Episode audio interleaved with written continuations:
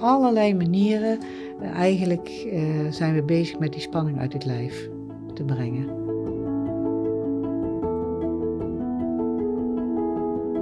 Ja, ze zijn echt in de vechtstand. Ze willen weer beter worden. Het is hen aangedaan. Alleen al dat te accepteren dat dat is zoals het is. Hoe ga je ermee om? Luistert naar de Massage Podcast. Mijn naam is Erik Zomers en in deze podcast ga ik op zoek naar antwoorden op de vraag: waarom is massage een goed idee? En in deze aflevering massage bij niet aangeboren hersenletsel. Ik ben te gast bij Godelieve Baten. Sinds 2014 actief als massagetherapeut in haar eigen praktijk De Ontmoeting. En sinds kort ook in het Cognitive Lab in Helmond. Dat is een initiatief van neuropsycholoog Dr. Erik Matser. Waarbij meerdere zelfstandige zorgprofessionals mensen helpen met onbegrepen aandoeningen na hersenletsel of vermoeidheid. Godelieve, fijn dat we deze massagepodcast samen kunnen opnemen.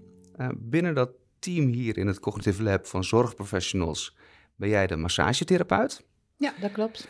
Waarom is massagetherapie voor mensen met niet aangeboren hersenletsel een goed idee?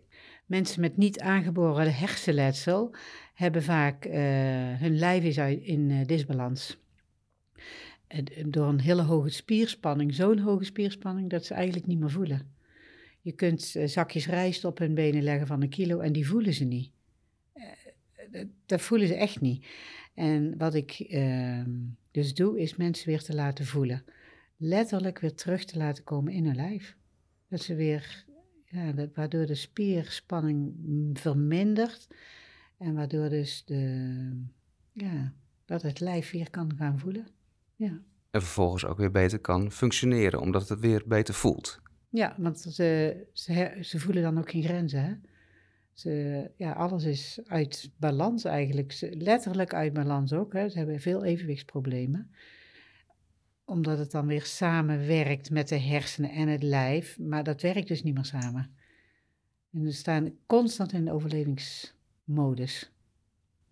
Niet aangeboren hersenletsel, daar gaan we het over hebben. Um, wat is dat eigenlijk? Het is als je hersenletsel hebt opgelopen uh, zonder dat je ermee geboren wordt. Dus dat kan door een ongeluk zijn, door een bedrijfsongeval. Uh, ja, je hoofd erg hard tegen gestoten. Bij de meeste mensen echt een ongeluk, een fysiek ongeval. Ja, een fysiek ongeval. Ik heb ook mensen die uh, zo zwaar in een burn-out hebben gezeten, waardoor ze ook een hersenletsel hebben. Dus die ook daardoor bij mij komen.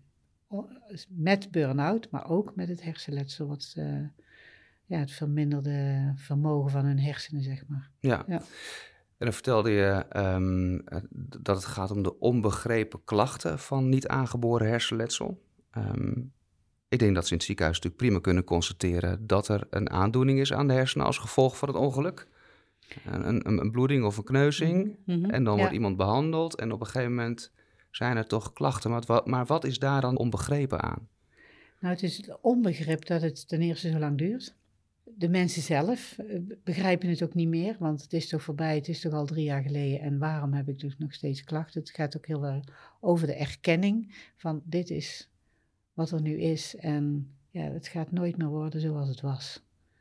Maar ook de omgeving. Hè? Eh, dingen veranderen gewoon, letterlijk. Mensen zijn minder initiatiefrijk, mensen uh, uh, zijn veel vermoeid komen gewoon tot niks. Jonge mensen. Ik heb uh, een meisje van uh, 20 hier in de praktijk. Die ze is aangereden door een auto en uh, een spookrijder. En ze werkt nu met moeite 10 uur, 12 uur in de week bij, als uh. En eigenlijk is het niet vol te houden. Is te veel druk, te veel prikkels, te veel onverwachte dingen ook. De, de, de, meteen staat het lijf weer op aan. Ja. En als zo'n lichaam dan inderdaad op, op aanstaat, um, wat, wat gebeurt daar dan? Nou, het, het, lijf heeft al heel veel spierspanning. Dus zo gauw er prikkel bij komt, gaat het vluchten, vechten of bevriezen. En dat is zo dichtbij, dit is zo'n dun lijntje, zeg maar. Um, dat ja, het lijf, het, neemt het over, zeg maar. Je hebt daar geen controle meer over. Je wordt duizelig, je, je raakt letterlijk de weg kwijt. En dan komt een cliënt uh, dan inderdaad hier met die klachten. die worden dan op die manier herkend. En wat dan? Wat, wat kunnen jullie zo'n cliënt bieden om de kwaliteit van leven weer positief te beïnvloeden? Nou, waar ik vooral als eerste mee begin, is om het lijf weer te laten voelen dat het kan ontspannen. En dat is al heel lastig, want soms zijn mensen niet eens aan te raken, omdat het al pijn doet. Uh, alles is overprikkeld. Dus het is een hele zorgvuldige manier van omgaan met, met wat daar de, ja, met wat in dat lijf gebeurt. En dat mensen weer gaan begrijpen wat gebeurt er nou eigenlijk. En mijn praktijk heet ook ontmoeting en bewustwording. Het gaat vooral dan om bewustwording, maar ook dat ze niet meer zoveel moeten. Een idee is, oké, okay, nou kom ik bij jou dan ga ik beter worden. Nou gaan we het oplossen. En dan is het echt die stappen terugmaken van we gaan nu niks oplossen. Maar we gaan eerst eens kijken, wat, wat gebeurt er nou eigenlijk in jouw lijf? En ik breng ze heel erg steeds terug naar het nu. Wat voel je nu? En wat, zonder heel erg de diepte in de eerste instantie in, uh, in te gaan, omdat je dan bij een hele andere laag komt en dan raakt het lijf ook meteen weer in de schrik. Maar juist om weg te blijven van die schrik, eerst eens heel rustig uh, weer ja, thuiskomen bij je eigen lijf. En echt uh, dat lijf weer de kans geven, eigenlijk, ja, misschien is dat wel beter gezegd, de kans geven om zich te mogen laten voelen, zonder dat daar een schrikreactie op komt. En dat is best een heel proces, dat alleen al. Dus dan, dan is er sprake van heel veel uh, weerstand bij iemand. Mm -hmm, ja. En dat is vervelend, want je komt hier, jij gaat me beter maken. Ja, We gaan weer terug naar zoals ja. het was. Als je het hoort praten, natuurlijk niet. In hun hoofd willen ze. Ja. En willen ze verder. En uh, hoe lang gaat het duren? En wat heb ik hier aan? Uh, nou, dat is best soms. Hè. Een andere, iedereen reageert daar natuurlijk op zijn eigen manier. Um, ja, mensen zijn verbaasd van jeetje. Ik wist niet dat het zo werkte, voelen.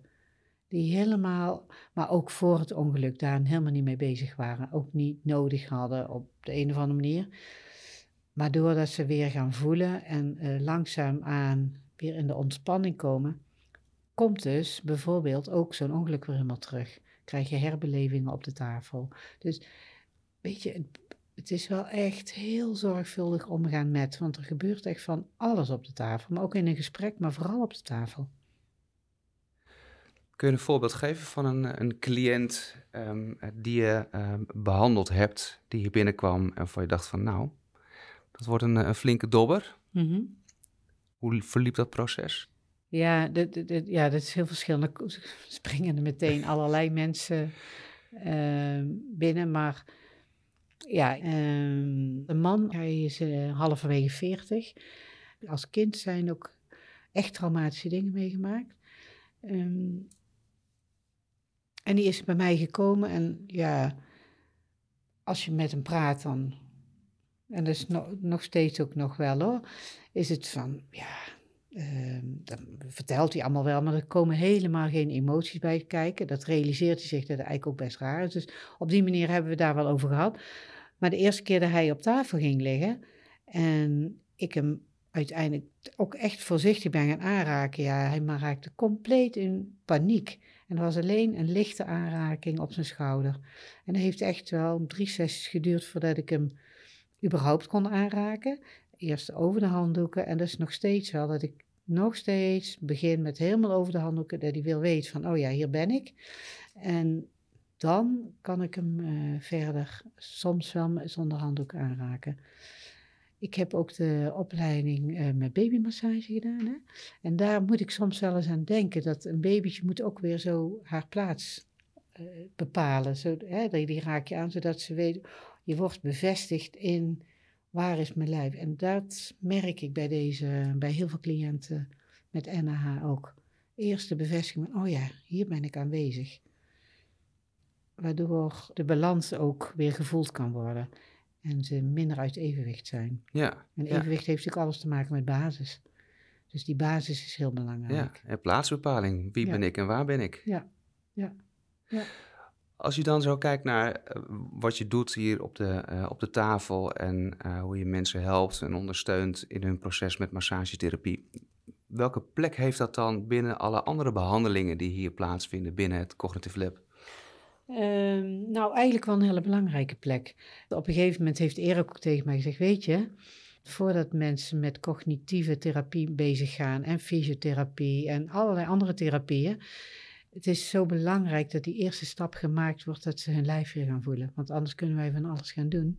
Dus het is een hele belangrijke plek, massagetherapie, binnen de therapieën. Dus ze hebben gesprekken met Erik, maar voornamelijk komen ze na, na, na het eerste gesprek al meteen bij mij. En dan komen ze wekelijks, soms twee keer in de week, zodat er echt een uh, proces op gang gebracht wordt. Op allerlei manieren uh, eigenlijk uh, zijn we bezig met die spanning uit het lijf te brengen. En als je het hebt over die spanning in het lijf, zit die dan overal in het lijf of kan die ook op specifieke plekken zitten in het lijf? Nou, het komt vooral vanuit de nek. Mm Maar zo gauw je daar. Uh, heel veel mensen liggen hier. Er zijn natuurlijk ook veel mensen met whiplash. Maar zo gauw je die nek aanraakt, is meteen de reactie dat het hele lijf op aanstaat. Ja. Dat is, ja, dat, maar dat kan ook zijn door te veel licht, te veel geluid. Dus heel, alles is overprikkeld. Ja, waardoor het hele lijf op spanning staat, waardoor ja, alles eigenlijk uh, uit balans raakt. Ja. Wat zijn zo de stappen die mensen maken dan na een aantal sessies? Nou, de belangrijkste stap is, en dat heeft al even ja, soms wat meer tijd nodig dan bij een ander, is dat ze erkennen dat er iets aan de hand is. Dat is echt zo'n belangrijke stap, want op het moment dat ze het echt, echt kunnen erkennen, uh, ja, dan kunnen ze hun gedrag ook en, hun, en de patronen die ze daarbij gebruiken onder ogen zien. En dat maakt dan dat ze ook dingen zouden kunnen veranderen als, ja, als ze dat voelen, als het beperkend is, zeg maar, hè, in hun leven. Ja, ja. ja. dus vanuit dat bewustzijn dat er echt iets aan de hand is, dat we er nog lang niet uh, doorheen zijn. Ja, of misschien wel dat dit is wat er is. En dat het nooit meer anders wordt als wat er nu is. En daar, dan zie je mensen ook ontspannen. Maar ja, dat is natuurlijk nogal wat om te erkennen van, oh, ik kan dus nooit meer werken. Of ik kan nooit meer mijn werk uitvoeren wat ik altijd deed. Oh, ja, dat is natuurlijk nogal. Hè? Dat is uh, ook binnen een relatie. Ja. Uh, er zijn hè, ook kinderen, jonge kinderen soms. Kan zo van alles. Ja, want in hoeverre uh, speelt dat mee in het herstel van, van iemand met niet aangeboren hersenletsel? Die dan inderdaad um, erachter komt dat hij nooit meer kan werken. Of in elk geval niet meer op de manier kan werken Mhm. zoals die persoon gewend was om Ja. te werken. ja, en er zit er ook altijd nog een eh, verzekeringskwestie. Hè? Daar zijn ze ook jaren soms mee bezig. Dat Ja. kost heel veel energie en vechten. Dus dat is een soort vechtstand waar ze dan in zitten. En ik ga mensen eigenlijk ertoe bewegen om niet meer in die vechtstand. Dus daar zit ook eigenlijk een beetje een, een gevring tussen, een dualiteit tussen. Ja. Ja. dat is al een gevecht op zich dan. Ja, ja, ze zijn echt in de vechtstand. Ze willen weer beter worden. Het is hun aangedaan. Alleen al dat te accepteren, dat dat is zoals het is. En toch van, ja, maar dit is nu wat er is. Hoe ga je ermee om? En dat is een hele belangrijke vraag. Hoe, dat je de keuze kunt maken van hoe dat jij ermee om kunt gaan zoals jij wil. Ja. ja, dat is natuurlijk bepalend voor je verdere Zonder stappen een die je wijzende zet. vinger naar iemand, hè? Het is jouw schuld. Kijk, heel vaak zitten ze daar nog in als ze hier komen. Het is hun aangedaan. En zijn ze boos. En eh, verdrietig. En, Wat ik me heel goed kan voorstellen. ja, ja, dat is ook zo. Ja. Dus ook dat is dan wat er is. En dan vind ik het mooie van, de, van Hodels massagetherapie. Dat je heel erg gaat met dit is, hè, dat je kunt zijn met wat er is. En dat je geen doel voor ogen hebt, waar gaan we naartoe? Maar, daar hebben we allemaal geen idee van, toch? Ja, dus, eh, We proberen, we proberen een soort van plan te hebben, hè? een soort van Mm. stip op de horizon te zetten. ja, Maar dat ja. zegt niet erg om een doel te hebben, maar het doel voor eh, is vaak toch wel heel ambitieus. Ja. Om daar te willen zijn wat ooit geweest is. In dit geval dan met mensen met NH. Ja. Dat verschil hè, tussen, ehm, ehm, want ik herken, ik herken heel veel van wat je zegt, ehm, wat ook speelt met mensen die eh, kanker krijgen. ja. Of die eh, iemand Ja. verloren hebben. ja. Maar de cliënten die jij behandelt met niet aangeboren hersenletsel als gevolg van een auto-ongeluk Mhm, bijvoorbeeld, mhm. omdat ze van achterop werden aangereden, Ja. de schuld van de ander, ehm, geeft dat een totaal andere dimensie aan het behandelen van deze cliënten? Dat het zo duidelijk is dat iemand anders het hen fysiek heeft aangedaan? Ja, dat is zeker in het begin. Na een paar keer dat ze zijn geweest, eh, eh, ja, komt het eigenlijk niet meer zo ter sprake, maar vooral in het begin wel. Maar als mensen gaan herbeleven, uh, ja, dat is natuurlijk ook de kracht, vind ik zelf, van massagetherapie, om ze toch steeds weer naar dat nu te brengen. Je, je, hebt een herbeleving, maar wel van hoe ga ik daar nu mee om? En dat maakt wel dat ze um, zich ontspannender daardoor ook voelen, dat ze minder in de vechtsmodus komen. En dat klinkt als PTSS. Ja. Posttraumatisch stress, dat is het. Ja, dat is het ook natuurlijk. Ja. ja. En wat ik merk is dat ook bij heel veel mensen toch onderliggend lijden zit, een onverwerkt rouwproces, um, wat dan naar boven aan het gaat komen. En dat ze al in een burn-out zaten, toen kregen ze een ongeluk. En dat is natuurlijk niet altijd, maar dat is wel heel vaak, merk ik. Dat mensen die bij mij komen wel ook veel onderliggend lijden hebben. Wat het uh, herstelproces wel uh, beïnvloedt in ieder geval. Het lijkt me er niet makkelijker op worden als je um, zo'n ongeluk hebt gehad en je bent in gevecht met de zorgverzekeraar, met je verzuimverzekering, je gezin. Nou, laten we zeggen dat je al twee, drie jaar misschien verder bent. Ja. Um, je komt hier in de hoop dat ze je gaan genezen van je niet aangeboren hersenletsel. En er plopt ook nog iets uit het verleden naar boven. Ja. Wat toch wel heel erg meespeelt in, in elk geval in het herstel. Ja, ja dat klopt. Ja. En dan hebben ze, ja, uh, ja, ja, dat is waar wat je zegt. Ja, ja, ja. ja. Dan, het is ook, maar het is ook vaak wel een eye-opener. Oké, in, in, wat voor manier? En, nou, dat ze daar eindelijk ook lucht aan kunnen geven. Dus dat ze, en, uh, en dat is, niet altijd, dat is niet altijd gemakkelijk, hè, want dan komt er natuurlijk veel naar boven.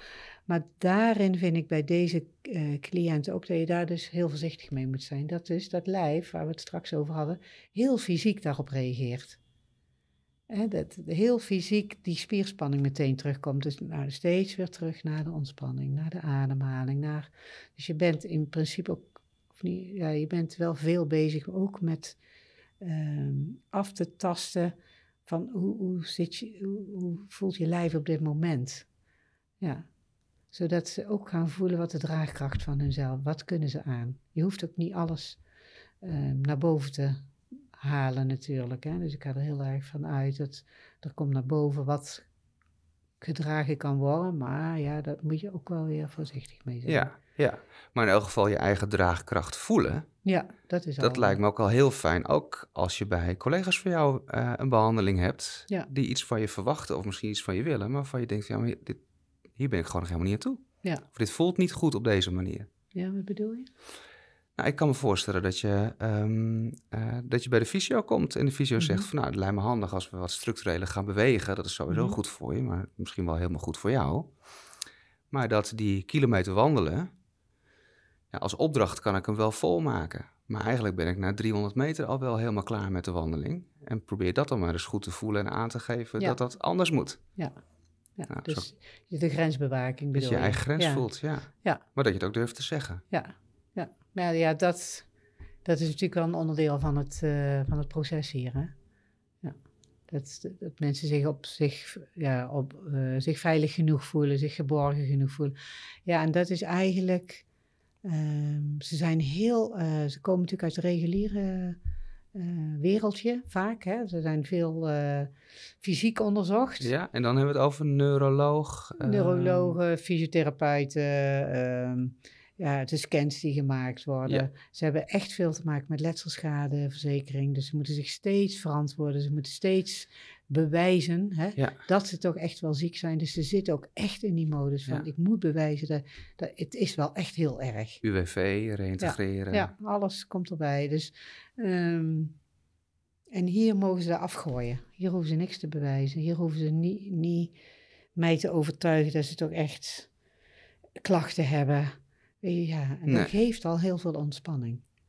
En dat hoor ik ook wel vaak terug van, nou, ik kan hier echt helemaal mezelf zijn. Ik hoef niks op te houden. Nee, Maar om uit die modus te komen is ook een proces alleen al. Hè? Dat, uh, ja, ja, ja. Ja, je hoeft je niet beter voor te doen dan je op dit moment nee, voelt. Nee. Ja. En dat is wel iets wat ze, ze gauw ze dat uh, durven te gaan doen, ook gewoon in hun dagelijkse leven, dan worden er heel grote stappen gezet. Ja, ja. want dan heb je het een keer ervaren hoe het Ja. ook is en hoe, dat, hoe fijn dat dan voelt. Ja. Ja, Dan en mensen gaan ineens dat. heel iets anders doen. Hè? Die Ja. eh, gaan eh, andere opleidingen doen, ja, ontdekken toch een andere kant. Dat is natuurlijk toch ook met andere cliënten ook. Dat is niet specifiek voor NAH. Maar goed, jij bent als massagetherapeut nu eh, lid van het team dat hier werkt. Ja, Met mensen met niet aangeboren hersenletsel. ja. Eh, wat ik denk ik een vrij unieke positie is in Nederland. Ehm, want zijn er nog meer van dit soort labs? Nee, Eh, nee, nee, dit ja. is de eerste. Nee, Nee, is Dit is inderdaad echt de En het eerste. lijkt me echt geweldig om, eh, als, om als complementaire zorgverlener zo in zo'n team te werken samen met elkaar. Ehm, Ja, hoe- dat was hoe- ook altijd wel hoe zie je de toekomst voor je? Hoe, hoe zie je dit, dit verder gaan? Nou, ik heb eh, toen ik tijdens de opleiding van HOLOS dacht ik altijd van weet je, ik wil zo graag aansluiten bij de reguliere zorg. En dat het ook echt gezien wordt als onderdeel van een, een behandeling, de complementaire zorg. En, eh, nou ja, en ik ben dus anderhalf jaar geleden op de- deze plek terechtgekomen, hier in het eh Vitaliek, hè, dus een gezondheidscentrum van, dat bij het Elkerliek hoort, dat is een ziekenhuis. Nou ja, eh, terechtgekomen. Je werd gevraagd Ja. door degene die het initiatief heeft genomen Ja, tot het ja, maar lab. ik kwam eerst hier terecht voor een ruimte huren. Ah. Dat was bij toeval. En ik vond het wel bijzonder dat ze mij toelieten vanuit het ziekenhuis. Dat ik was de eerste alternatieveling. Ja, ik wil het niet alternatief, maar voor hun hè, was het wel alternatieve zorg. Dus dat ik hier terecht ben gekomen was al. En ja, en Erik Matser, eh, die had hier al praktijk. En ja, ik ben met hem in contact gekomen. En hij, eh, ja, hij heeft mij inderdaad gevraagd of ik eh, mensen wilde gaan behandelen. En dat is meteen heel goed aangeslagen. En ja, dat is best bijzonder, ja. Ja? Nee, dat realiseer ik me wel. Ja. Spannende, mooie ontwikkeling, uh, Godelieve. Hartstikke mooi. Ja. Ik heb wel een idee waarom een massagetherapie een goed idee is bij eh, mensen met niet aangeboren hersenletsel. Nou, dat is fijn. Ja, ja. dankjewel voor het mooie gesprek. Heel graag gedaan, eh, Erik. Tot zover deze aflevering van de Massage Podcast. Alle informatie en contactgegevens vind je op de website massagehelpt.nl. Voor nu, dank voor het luisteren en veel plezier met een volgende aflevering van de Massage Podcast.